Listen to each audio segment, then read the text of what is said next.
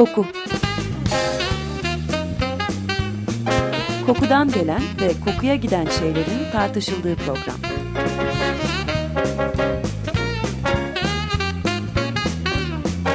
Hazırlayan ve sunan Vedat Ozan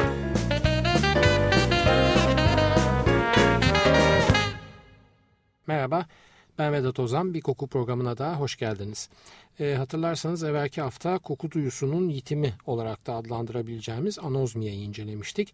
E, örnek olarak örnek olay olarak ele aldığımız Michael Hutchins vakasında e, bu duyu yitimiyle beraber gelen duygusal düşüş, e, kendini kötü, kötü hissetme vesaire sebepler beklenmeyen tatsız bir şekilde sonuçlanmıştı. Peki acaba koku farklı koşullarda bunun tam tersi etkide yapabilir mi? E, tedavi edici olabilir mi? Bize sağlık, enerji, kendini iyi ve mutlu hissettirme halleri verebilir mi? Evet aromaterapi diye adlandırılan olgudan bahsediyorum. E, dilerseniz öncelikle nasıl ortaya çıkmış bu olgu ona bir göz atalım. Efendim kokunun hayatta hoşluk veya tedavi yaratmasıyla ilgili kullanımı Çin ve Mısır'a dayandırılıyor kaynaklarda. Çeşitli bitki ve çiçeklerin yağlarının çıkartılarak bunların gerek tütsü olarak e, gerek baştan aşağı sürünülerek kötü ruhlardan veya kötü niyetli göksel varlıklardan e, sebeplendiğine inanılan akıl ve duygu problemlerinin önüne geçme çabası oldukça eski. Bir nevi fear faktör veya korku faktörü de diyebiliriz bu yağların kullanım sebebi olarak. Yani ilk duygu korku çözüm arkasından geliyor. Bu fear faktör veya korku faktörünün e, bugün pek çok kozmetik üründe hala en etkin pazarlama yöntemi olduğuna da burada dikkatinizi çekmek istiyorum. E, öncelikle sizin yaş veya görünüm detaylarınızla ilgili ne bileyim mesela sivilce, kırışıklık vesaire gibi zayıf noktalarınız uyarılır bu reklamlarda. Arkasından da bu uyandırılan korkuların çözümü olarak kozmetik ürünler sunulur. Sonuçta alan da memnun, satan da memnun gibi bir durum çıkar ortaya. E, tarihe dönelim tekrar. Mısırlıların ölümden sonraki hayat veya reenkarnasyon veya basül badel mert ne derseniz deyin. Bu e, geleceğe ve ileriye yönelik iyi hayat koşulları beklentisiyle ölülerini mumyaladıklarını biliyoruz. Elbette bu mumyalama esnasında kullanılan maddeler arasında hoş kokulu yağlar da var. Hangi çiçeğin yağının kimde kullanılacağı ise ölen kişinin hayattayken sahip olduğu servet veya sosyal statüyle de yakından ilgili. Bu ölümden sonraki hayata ilişkin kokulandırma elbette sadece mezarlarda kalmıyor ve gündelik hayata da giriyor. Ee, Kleopatra'nın birkaç aromatik yağ karışımına hazırladığı bir aşk parfümü veya aşk iksirini kullanarak Marcus Antonius'u etkilemeye çalıştığını, onun gemisini karşılamaya giderken kendi teknesinin yelkenlerini bu karışımla ovdurduğunu e, biliyoruz. Hatta daha özel anlarda yalnız kaldıklarında etki etmesi için ayak parmaklarının arasına dahi bu kokudan sürdüğü söyleniyor. E, gene Mısır kültüründe ilerlersek e, M.Ö. 1550 civarlarında bir tarih alan Eber papirüsü ki bulunan ilk metin kağıdı da diyebiliriz buna. Aslında bir bitkisel ilaç reçeteleri listesidir. Bunu lütfen Şamponyon'un bulduğu ve e, hierogliflerin şifresinin çözülmesini sağlayan Rosetta taşıyla karıştırmayalım. E, o taş halen British Museum envanterinde sergileniyor biliyorsunuz. Eber papirüsünde yaklaşık 700 ilaç reçetesi yer almakta. E, daha çok hastalığa sebep olan kötü ruhları kovmak için yazılmış reçeteler bunlar. E, bu papirüs halen Leipzig Üniversitesi bünyesinde bulunuyor. 20 metre uzunluğunda ve 110 sayfadan oluşan bir papyrus. E, hatta bugün tıbbın ve eczacılığın simgesi olarak kullanılan yılan figürü de gene bu papyrüste yer alan tariften yola çıkarak hazırlanmıştır. Tanrı Thoth ki tedavi edici reçetelerden sorumlu tanrıdır. E, sol elinde hayatın sembolünü, e, müzikle ilgilenenleriniz bilirler. Bu hayat sembolü Led Zeppelin'in Houses of the Holy albümünün kapağında da yer alır. E, sağ elinde ise o bilindik dolanmış yılanlı imgeyi tutar. E, Hintliler, İbraniler, Babililer velhasıl neredeyse bütün antik kültürlerin e, Mısırların bu uygulamalarının benzerlerini günlük hayatta kullandıklarını hatta Babillerin bir adım ileri giderek herkesin koku kullanması ile ilgili kanunlar çıkarttıklarını biliyoruz. Ee, Yunanlar e, tedavi amaçlı kullanımı bir adım daha ileri de götürüyorlar. Onlar tanrıların ilk hekimler olduklarına dair bir inanış mevcut Yunanlarda. E, Ars Chupalius yani bizim Apollo ile Koronius'un oğlu e, hastaları iyileştirme ve ölüleri diriltme konusundaki yetenekleri nedeniyle Zeus'un bile kıskançlık ve hışmına uğramıştır e, mitolojiyle ilgilenenleriniz bilecektir. E, bu muhteremin kızı olan Hygieia e, sağlık tanrıçasıdır ve bugün hala kullandığımız hijyen kelimesi mesela onun isminden türemiştir. E, kız kardeşi Panacea ise e, her şeyi tedavi et anlamına gelen bir isme sahiptir. Bu iki kız babaları e, hastalıkları tedavisindeki baş yardımcılarıdır. Hipokrat insanlara bitkileri kullanarak kendilerini tedavi etmelerini öğretmeye çalışırken e, Teofratus yani botaniğin babası veya e, Dioskorides e, De Materia Medica'nın yazarıdır ve bitkisel ilaçların kutsal kitabı da denir bu kitaba. E, bitkilerin tedavi sağlamadaki kullanımları ile ilgili pek çok öneri ve formül verirler. E, Yunanlardan sonra Romalılar el alır.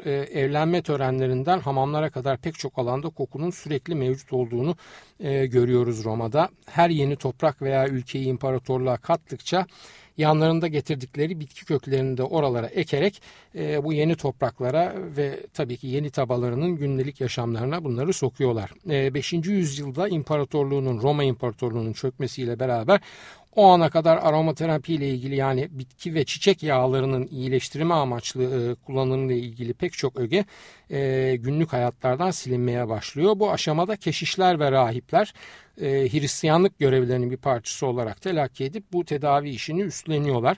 Ama bununla ilgili formüller kilise ve manastırlar bünyesinde muhafaza edilip e, bu bünyelerin içinde elle kayda geçirilmelerine rağmen kitlelerle çok fazla paylaşılmıyorlar. Tabi bu ruhban sınıfın e, halk nezdinde ayrıcalıklarını, üstünlüklerini koruma çabalarından biri. E, paylaşılmayan bilginin yanında tabii ki halk arasında ritüeller ve sihir, büyü işleri alıyor. Batı'da bunlar olurken diğer tarafta bu kez Araplar koku dünyasında keşifler ve denemeler yapmaya devam ediyorlar. Mesela Batı kaynaklarında Avicenna diye ismi geçen ibn Sina e, buhar distilasyonu yöntemiyle esans yağı elde etmeyi ilk keşfeden isim olarak tarihe geçmiştir. E, kısaca özetlersek tarihin eski zamanlarından beri pek çok farklı ve birbirinden uzak kültür bitki ve çiçekleri çeşitli sorunların tedavisi için bir şekilde kullanıyor. Aslında modern ilaçların pek çoğu da bu yıllar öncesinden gelen bitkisel yöntemlerden kaynak buluyor diyebiliriz. Mesela asetil salisilik asit e, aspirinin içindeki aktif maddedir. Söğüt kabuğu çiğnendiğinde ağrı ve ateşlenme hallerine iyi gelmesinden yola çıkarak üretilmiştir. Zira tahmin edeceğiniz gibi söğüt kabuğu salisilin içerir. E, kekikten distile edilen esans yağı bugün tıbbi temizlikte de kullanılan fenolden 12 kat daha kuvvetli bir antiseptiktir. Böyle sayısız örnek var. Ama çağdaş aromaterapi böyle ateşli durumlarda veya antimikrobik önlemlerle ilgili bir olgu değil. Böyle bir iddiası da fazlaca yok.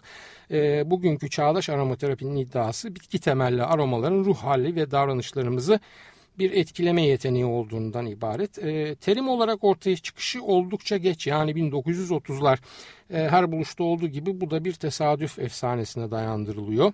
E, söylendiğine göre bir Fransız kimyager olan René Maurice Gattefossé e, laboratuvarında meydana gelen bir patlamadan sonra yanan elini kazara orada bulunan e, bir saf lavanta yağı kabına sokunca ağrısı e, yavaşlıyor ve mucizeci bir şekilde hızla bu yanık yeri iyileşiyor. Tabi bu tesadüf de ilginç. Yani bu biliyorsunuz esans yağları çabuk uçucu yağlar oldukları için geniş kapların içinde durmazlar. Bilakis şişelerde dururlar. E, böyle bir şişenin içindeki yağda kazara nasıl adam kolunu sokar Tabii bunlar hoş e, pazarlama efsaneleri de diyebiliriz. Bu olaydan sonra Gatofose kendini esans yağlarının iyileştirici özelliklerini keşfetmeye adıyor ve bugünkü anlamda aromaterapi başta sağlıyor. E, aromaterapide oldukça geniş bir seçki içinde saf ve doğal esans yağları kullanılır. Saf ve doğalın altını çiziyorum. Bu yağlar bitkiler, ağaçlar, çiçekler, kökler veya tohumlardan elde edilebilir. E, esans yağı aslında nebati yağ bazlı bir bitkiden distile edilen esans demektir. E, florasına bağlı olarak her bitkinin farklı bir bölümü bu yağı elde etmek için kullanılabilir. Mesela bergamot yağını meyvenin kabuğundan, e, geranium yağını yapraktan ve sapından, tarçın yağını ise e, ağacın kabuk kısmından elde edilebilir. Aslında bu nebatatın yağ oranı o kadar düşüktür ki Ee, mesela 1 kilo lavanta yağı elde etmek için yaklaşık 200-250 kilo taze lavanta çiçeğini işlemek gerekir. Bu da tabii onları oldukça e, nadir bulunan pahalı malzemeler haline getirirler.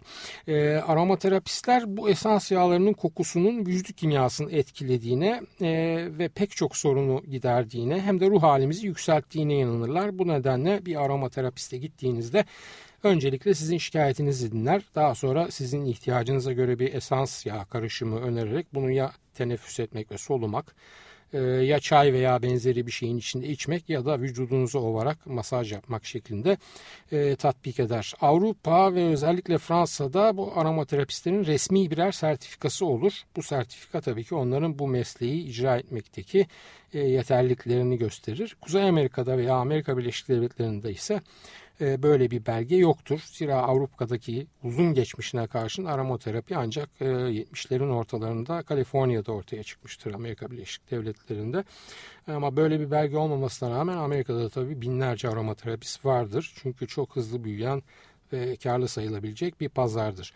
Efendim bilinen 3 metot var aromaterapide. İngiliz modeli bu e, esans yağının başka bir taşıyıcı hafif yağ içinde çözeltilerek vücuda olmasını e, Alman modeli bu yağların solunmasını, Fransız modeli de ya yutulmasını ya da çözeltilmeden merhem gibi sürülmesini e, öneriyor. E, genelde uygulanan ve önerilen e, İngiliz ve Alman modelleri. Her esans yağının yutulması veya direkt çiğdüğü uygulanması tehlikeli sonuçlar da doğurabileceği için e, bu amaçla satılan esans yağının ambalajında bu konuda mutlaka ve mutlaka uyarıcı bir bilgi olması gerekir. E, gidin bir attara. E, burada parantez açıyorum. Aktar değil attar. Bu e, yanlış bilinen bir kelime. K ile değil yani 2 TL yazılıyor ve ıtırdan gelen bir kelime.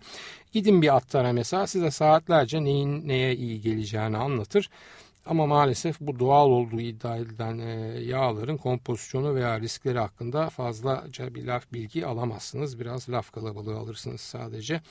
Bu anlamda bu tip şeylere meraklıysanız çok dikkatli olmanızı öneririm. E, biraz sonra vakit kalırsa alerjen esans yağlarını sayacağım. Öyle her güzel kokan şey cilde lap diye sürülmez. E, unutmayın ki parfümlerde bu kullanım oranları çok ciddi olarak uluslararası denetim altındadır. Zaten bir parfümün seyrelme oranını veya tekil malzemelerin aslında formül içinde ne kadar eser miktarda kullanıldığını düşünürseniz e, ne olması gerektiği hakkında bir fikriniz olabilir. Aslında aromalar veya kokular e, daha önce de bahsettiğimiz gibi koklayanda öğrenilmiş veya koşullanılmış bir bağlantıyı kullanarak tedavi sihirlerini harekete geçirirler.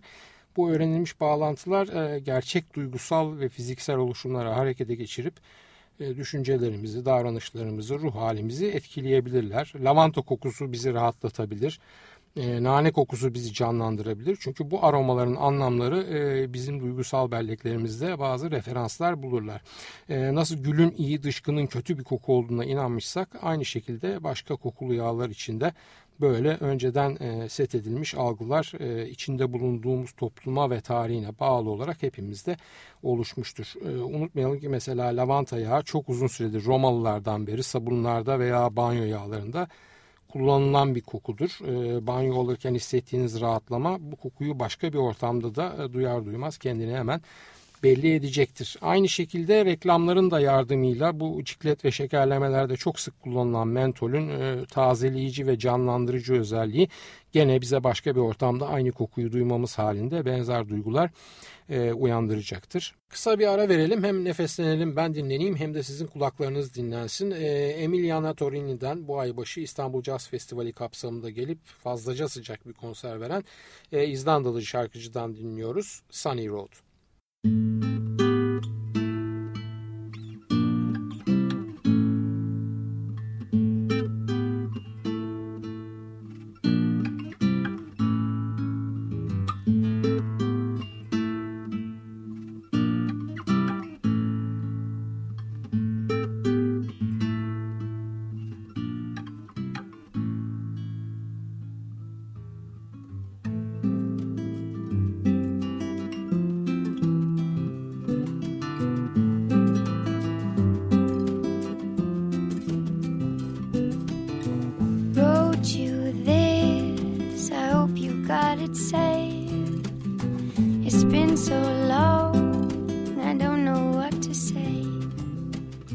Música traveled round through deserts on my horse.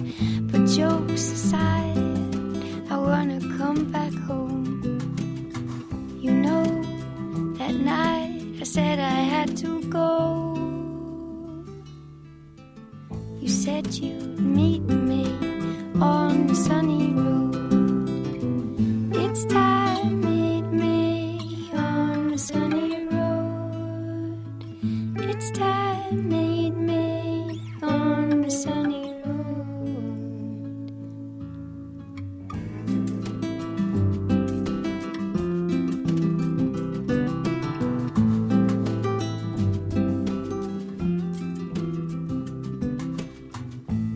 never married, never had those kids. I loved too many, now heaven's closed its gates. I know I'm bad to jump on you like this. Some things don't change,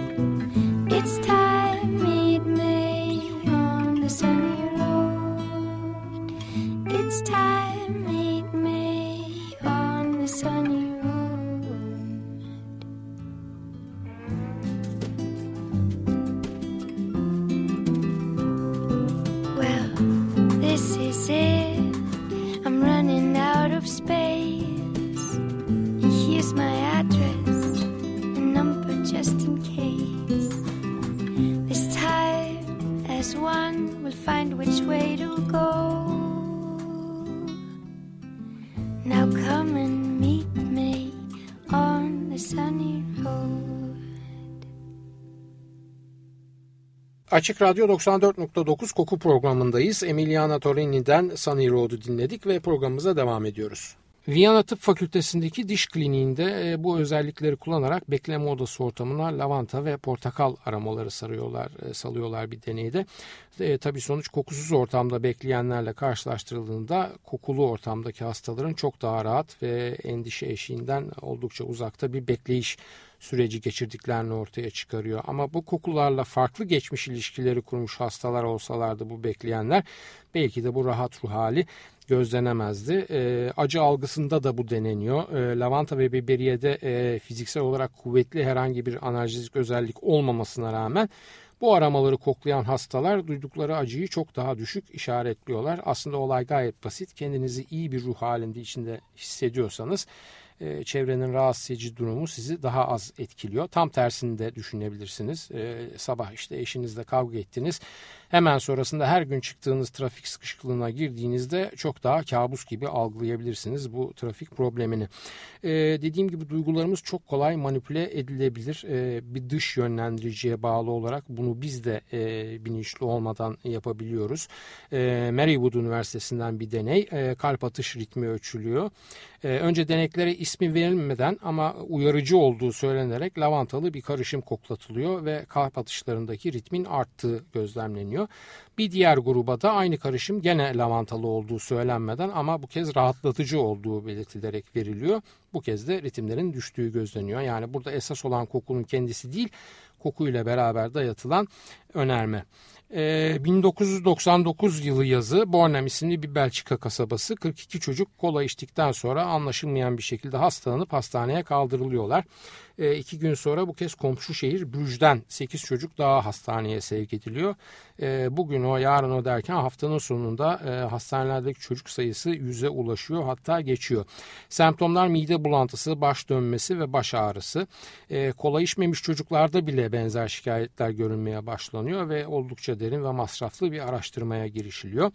Ulaşılan sonuç şu e, Antwerp'teki kola şişeleme fabrikasında e, okullara kola sevk eden e, cihazlara kontamine edilmiş yani kirlenmiş e, yani başka madde karışmış karbondioksit basıldığı ortaya çıkıyor. Kola şirketinin lehine ve şansına tabii araştırma sonucunda herhangi bir rahatsızlığa yol açacak seviyenin oldukça altında e, bu e, karışan diğer madde veya miktarı artan diğer madde. E, böyle bir risk için gerekenden yaklaşık bin kat daha az e, miktarda sülfüre rastlanıyor örneklerde.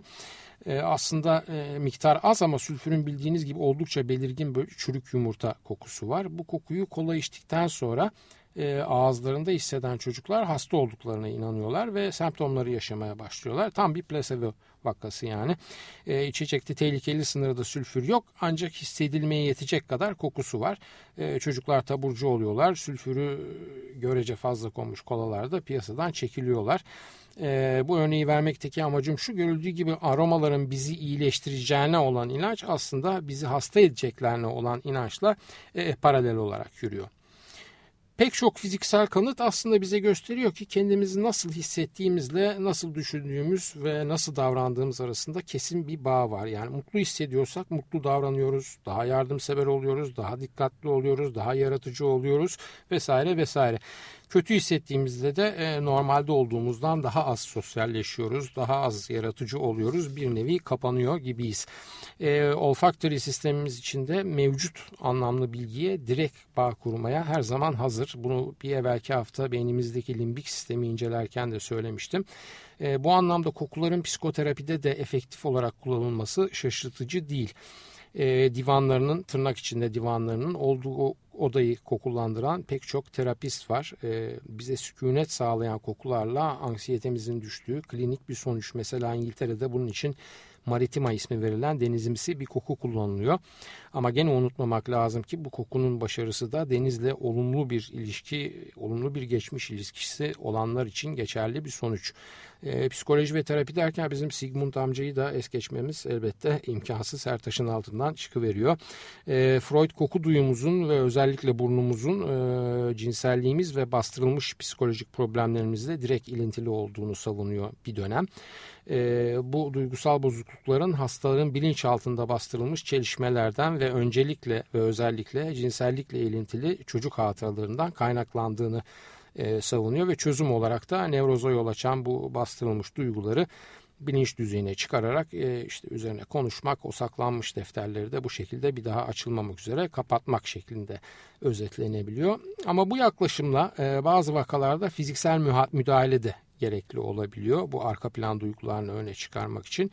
E, bir dönem yakın arkadaşı olan Wilhelm Fleiss'la e, ilk yıllarda beraber çalışıyorlar. E, Fleiss'in inanışına göre burun ve jenital bölge ve tabii ki bu bölgenin simgelediği cinsellik birbirine çok e, kuvvetle bağlı ve bu görünmez bağlantı hattında oluşan sorunlar e, Freud'un pek çok nevrotik hastasında hastalık sebebini oluşturuyor. E, bu yorum aynı zamanda tıp eğitimli Fleiss'in Freud'un hastalarının burun ameliyatlarıyla iyileştirilebileceğine inanmasına da sebep oluyor. Freud da tabii bazı durumlarda e, çözümsüz kaldığı durumlarda hastalarını Fleiss'e yönlendirerek e, burunlarını uyuşturarak tedavi etmeye çalışmasını sağlıyor. E, uyuşturma işleminde kullanılansa hem Freud'un hem Fleiss'in daha sonra çok bağımlı hale geldikleri kokain aslında felaket sonuçlar da çıkmıyor değil tabii bu işbirliğinden. Emma Eckstein isimli bir hasta var. Menstruasyon döneminde bir depresif durum hissediyor. Buna e, nazal refleks nevrozu tanısı koyuyorlar. Yani burun tepki nevrozu da e, diyebiliriz buna Türkçe. E, ve kadıncağızın burun kemiklerini yontuyorlar. Halbuki bugün e, çok rahatlıkla premenstrüel sindrom da denen e, PMS olarak e, tanımlanabilecek bir tanı bu. Ameliyat bir felaket oluyor. Kadıncağız enfekte. E, ikinci bir cerrah gelip müdahale ediyor ama o da burnun içinde Fleiss'in ameliyatından kalma bir tampon parçası buluyor. Hadi o parçayı alalım derken hemoraj denen ve durdurulamayan kanamaya kadar gidiyor iş ve kadıncağızın hayatını çok zor kurtarıyorlar. E, kadının hayatı kurtarılıyor ama tabii burun şekli bozuk ve aynı zamanda anozmik oluyor. Yani koku alamaz bir şekilde yaşamaya başlıyor e, ve böyle devam ediyor hayatının geri kalan kısmını. İşin ilginci e, Freud'la ilişkisi hiç bozulmuyor bu Emma ve daha sonra kendisi de bir psikanalist veriyor. Allah akıl fikir mi versin demek lazım. Ne demek lazım bilemiyorum bu durumda. E, neyse Freud'a adet üzere değinmişken e, aslında koku duyumuzun bilinen duyular içinde en seksi duygumuz olduğunu da söylemeyi unutmayalım. Zaten bütün tarih boyunca pek çok kokuya afrodizyak özellik atfedilmesi de bu yüzden. E, ileriki programların birinde inşallah cinsel uyarılar ve koku arasındaki ilişkiyi de inceleyeceğiz. Efendim gelelim bugüne. Bugün aromaterapi dediğimizde daha çok anlaşılan e, tarihte yer alan pratik değil. E, yani o bitkilerin içindeki uçucu yağların bazı arazlarımıza yapacağı beklenen olumlu fiziksel etkiden bayağı uzaktayız. Onun yerine mumlar, potpuriler, e, oda spreyleri falan gibi bulunduğumuz ortamı kokulandıran ticari nesneler yerleşmiş durumda. Bir adım ötesinde kokulu yağlarla yapılan masajlar var. Aslında bütün bu terapotik uygulamalarda yağların saf ve doğal olması birinci koşul. Daha doğrusu işin başlangıcının mantığıyla olmazsa olmaz bir koşul. Peki bu olası mı bugün? Sanmıyorum. Daha doğrusu inanmıyorum. Gerçek esans yağlarının çok pahalı olduğu bu zamanda e, pek çok masaj yağı aslında e, laboratuvar ortamında üretilmiş sentetik parfümlerden oluşuyor. Siz de aslında kusura bakmayın yağlı parfüm satın alıyorsunuz diyebilirim. E, dünyada neredeyse sandal ağacı kalmamışken e, bulunabilenin de kilosu binlerce dolar mertebesindeyken sağdan soldan satın aldığınız o sandal ağaçlı tütsü veya masaj yağının doğal esanstan yapılmış olduğuna kendinizi kandırmayın. E, üzerinde ne kadar rahatlatıcı, dinlendirici vesaire yazsa da işte ambalajında Hint alfabesinden harfler görseniz de çok çok büyük olasılık siz kimyasal bir parfümü kokluyor veya vücudunuzda uyguluyorsunuz. E, hiçbir ilaç değeri yok. Programın başında bahsettiğim antik metindekilere benzer. Ayrıca aromaların ve esans yağlarının iddiaları bazen boylarını da aşıyor denebilir. E, kansere iyi geldiği söylenenler var. Hatta bunu bazı deney sonuçlarına dayandıranlar var. Ama dediğim gibi aslında neye inanmak istiyorsak ona inanıyoruz. E, bu da bizi mutlu ediyorsa belki de sorun yoktur aslında. E, bazılarının mesela karanfil yağının içerdiği ojenör sayesinde analjezik olarak e, yaygın şekilde dişçilikte kullanıldığı ve buna benzer pek çok yağın dönemler boyunca gerek ateş düşürücü gerek açık yaraların kapanmasını hızlandırıcı e, bir şekilde tıbbın hizmetinde olduğu da bir gerçek. E, süremizin sonuna geldik. Bu aromaterapi konusuna haftaya devam edeceğiz. Soru, öneri ve eleştirileriniz için posta adresimizi veriyorum ben. E, kokuprogrami.yahoo.com Ben Vedat Ozan. Radyonuz kokusuz kalmasın sevgilerimle.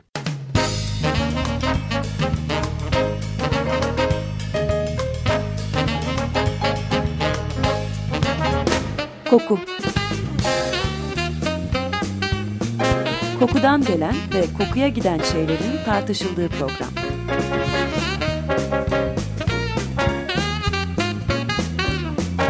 Hazırlayan ve sunan Vedat Ozan